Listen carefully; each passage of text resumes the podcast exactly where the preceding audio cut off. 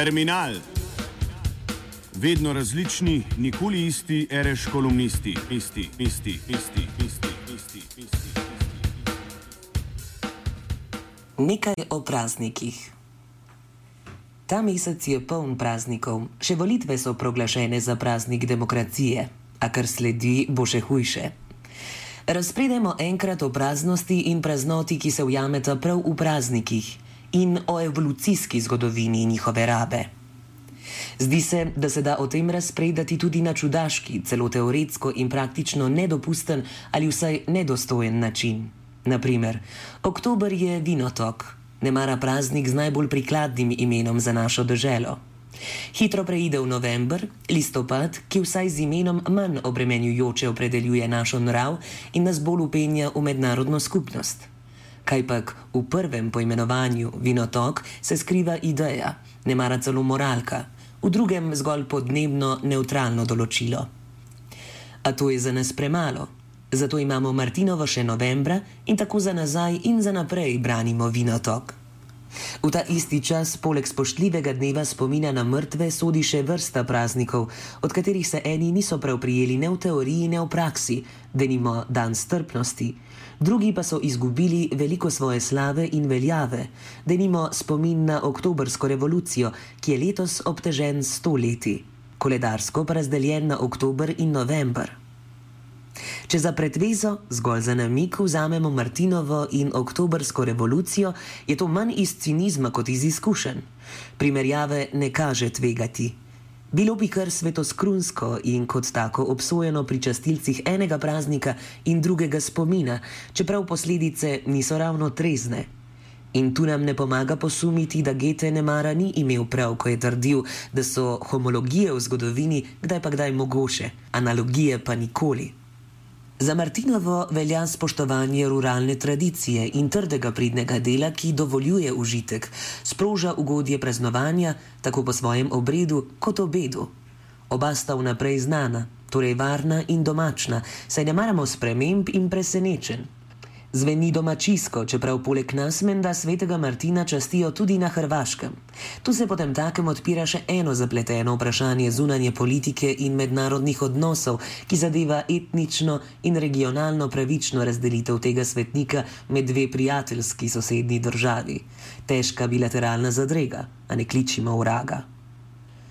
Za drugo, Za spomin na oktobrsko revolucijo in deset dni, ki so pretresli svet, pa velja dialektika revolucionarne pozabe in sprožene lagodje. Po revolucijskih obrazcih jo slavijo le še manjšine, naprimer komunisti v Rusiji. Večina se je zadovoljno odločila za nadomestitev z nekim drugim praznikom iz starejših časov, da je le manj obremenjen zgodovino in da je dela prost dan. In neki čudaški izobraženci. Mrsikdo bi jim rad rekel, da so zaprašeni intelektualci brez škode in nevarnosti, saj ne sežejo čez moč civilno-družbenih gibanj in vse manj vplivne akademske besede. Ti prepoznavajo nauke oktobra ter veličasten in dolgoročno vpliven intelektualni in umetniški naboj, ki ga je sprožil. Prazniki so privilegirano mesto v vseh revolucijah, mesto, ki artikulira sanje o novi družbi in novem svetu.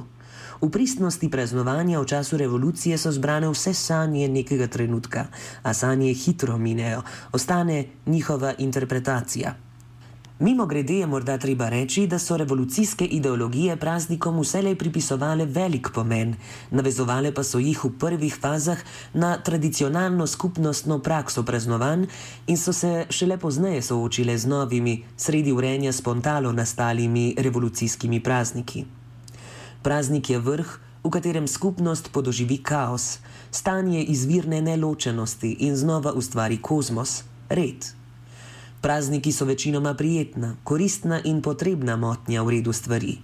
Motnja, ki ta red vzdržuje, saj obnovi delovne moči, da zagotavljajo, da kolesje sistema dela, kot je ta sistem določil. Antropološka razlaga za praznik pravi, da gre za privilegiran trenutek, ki ga vznemirjeno čakamo in je bolj na robu kot v sredi družbenega časa. Vedno znova utrjuje in zanika obstoječi družbeni red, vzpostavlja kratko začasno in občasno magično okolje, v katerem ljudstvo lahko vstopi v simbolni svet svobode, enakosti in obilja. Sociološko pa kaže, da se vse bolj določa po diktatu ekonomskih in socialnih kriz in usponov, po politični potrebi po interpretaciji zgodovine in po delu, ki ga je manj, in prostem času, praznem času, ki ga je vse več. Praznik nekaj velja, če je osvobojen dela, služenja in prisile, po državni ali ljudski volji. Prazniki bolj kot druge družbene znamenja izražajo kontinuiteto, tradicijo, zakoreninjenost, navajenost, prilagojenost in pripadnost domači skupnosti. Revolucijski prazniki so državni, nacionalni prazniki so last države. Lahko jih tako zapove kot prepove. Družba pač avtorizira in tolerira ekscese v meri in obliki, ki je za njo koristna, da se frustracije ne obrnejo proti njej in da se nezadovoljstvo potlači. Več avtonomnosti imajo zasebni, družinski, lokalni in ruralni prazniki, drugi, ki so dela osvobojeni, so zapovedani, a ta zapoved načeloma ljudstvu ni neprijetna. Stari vaški, poljedelskim dejavnostim in lokalnim svetnikom in zaščitnikom posvečeni prazniki pravzaprav niso bili tako sveti, da ne bi prenesli tržne ekonomije in se obdržali. Tudi sveti Martin ne, pa čeprav je svoj revni plašč nesebično delil z berači. Martinovo ni državni praznik, a državi ne dela težav. Državljani pa so lahko samo državljani brez državljanskih obveznosti. Nimajo sicer dela prostega dne, a oddihujejo si od dela brez slabe vesti in brez kazni. Oktober pa je problem za državo, kot vedno, kadar mora priznati, da je neki dogodek imel pozitivne in negativne strani. Praznik vina in svetega Martina je torej veliko bolj odporen proti zgodovinski obrabi. Na njegove častilce se je mogoče veliko bolj zanesti. Znane in predvidljive so tudi njegove posledice. Veliki oktober pa je terjal delo in osemurni delavnik, pa volilno pravico za ženske, več vrst zavarovanj, večjo enakost in pravičnost, vrsto socialnih zahtev, pri katerih se vsaki revoluciji zatakne. In ima danes problem s posledicami, kot vidimo. Zato je kar razumljivo, da v Rusiji že 20 let slavijo odlog, s katerim obletnica oktobra ni več državni praznik. Saj gre v bistvu za same take zadeve, ki državo stanejo denarja in reda, državljane pa vselej nekaj napora. Kdo bi kaj takega praznoval? Pa še ena omemba. Razlike v trajanju in intenzivnosti praznovanj se na zanimiv način potrjujejo v jeziku.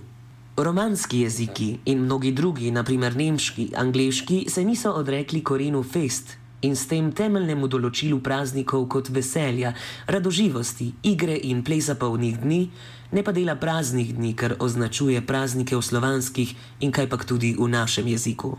Praznujemo in slavimo dan, ki je dela prazen, rešen, osvobojen. Ko že tako radi stikamo po lestvicah, kjer smo v Evropi pri vrhu, Po dela prostih dneh in po vrčevanju smo visoko. Spisala Neda Pagon.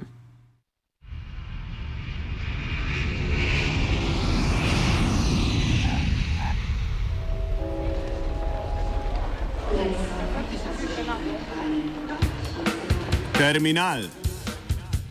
Vedno različni, nikoli isti, ereš kolumnisti, isti, isti, isti, isti, isti. isti.